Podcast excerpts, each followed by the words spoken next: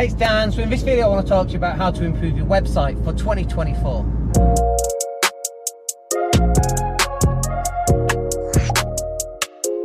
Hey, it's Dan. Hope you're well. So let's talk about website design. We're in 2024, and uh, 2024 is slightly different than 2023 because what we tend to find right now is that everything's just so much more harder. You know, people haven't got as much money. Uh, it's much more difficult to close business and uh, you get a lot more people visiting your website but actually don't make any purchases because they ain't got any money, right? So you have to be more persuasive uh, in your copy, in the attractiveness of your website, and you know how many times have you been looking for something and you land on somebody's website, the website look, looks like it was made in the 1990s because it hasn't been updated for so long. And so that's another aspect that you need to look at going to have to bring your website into the 21st century if you haven't done already. I mean, we're almost a quarter of the way through the 21st century, is just bizarre, isn't it? Right? Like, I remember 1999 like that. And those websites we created, which were very text heavy. Uh, and to some extent, that's kind of coming back. Um, and the reason why we were text heavy in those days is because we didn't have the internet speeds. And the reason why they're coming back is, yeah, people want pretty pictures and want it to look good, but also people uh, go through various stages uh, on their purchasing journey. So one of the stages, and by the way, we call this intent.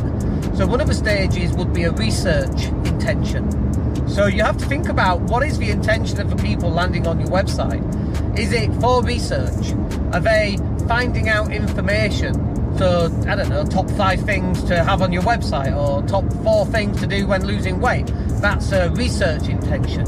Or is the intention, uh, is that to buy something? So they've done all their research, but now they're ready to buy. And then you've got to think about, well, what are the um, things that people use uh, as a marker to actually make a purchase? So, for example, do they trust you and your website? Have you got testimonials on your website? Does it look good? Does it look pretty?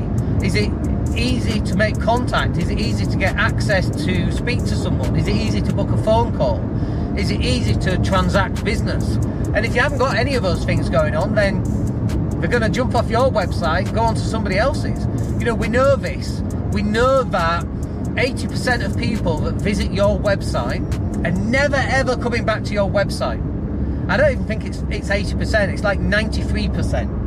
7% of people will only ever come back. We also know that most people will stay on your website for much less than seven seconds. I mean, you know, I think the numbers are 93% uh, stay on a website uh, for less than seven seconds.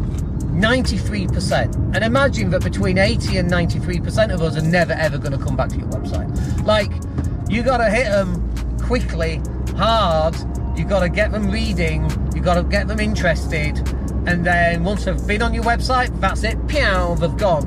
Uh, with sound effects, pew, they've gone, and they'll never come back to your website. So, if you're not capturing your audience on your website, you've already lost them. Already, right? And so then you've got to go, well, how did you get them to the website in the first place? Now, this is one of the good things about social media, is that if someone clicks a link from your social media profile, there's a, probably a good chance that they're already a friend of yours on your social media profile, which is why you have to keep putting out more content, right? That's the reason why you have to put out more content because you've got to drive people back to your website. You've got to stay in front of people as much as possible. And when someone's thinking about, let's say, I need a new website, because that's what we do, once they land on our website and they bounce off, because it's the same for us, they're going to bounce off just like they do for you. Just because we're a web design agency, we still struggle with everybody else getting people to stay on a website and getting them to click on different pages. We might do better than everybody else, but it's only slightly better because that's just human psychology. We can't change that because we have a good website. So if someone lands on our website because they've clicked on something on our social media uh, pages, then we've got to put more content out to give them more opportunity to click back to the website. And then at some point they'll message us via social media, they'll go to a website, they'll fill in a form, they'll phone the phone number that's under the logo on the website, whatever that happens to be. But it has to be an all encompassing, holistic way, a holistic method of putting content out, having a good, a good website, having good calls to actions. You know that people are going to bounce off your website, so then you've got to get them again in social media and send them back to your website. And after you do that several, several, several times, at that point, when they're ready to buy whatever the thing is that you happen to do and whatever the thing is that they happen to want, at that point, they're then going to buy.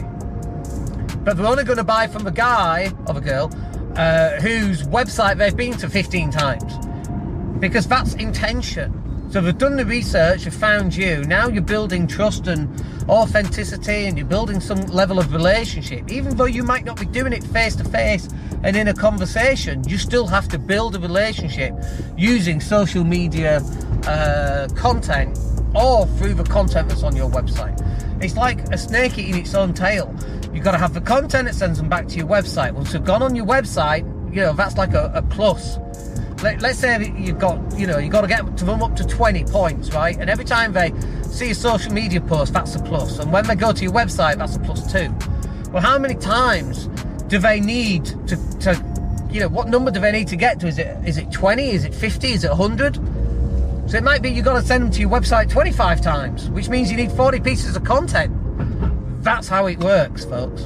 In 2024, this is why you've got to be absolutely prevalent on getting your social media content up and out. Anyway, I hope you find that useful. We'll catch up with you in the next one. My name's Dan Latto. Have a wicked day. Take care.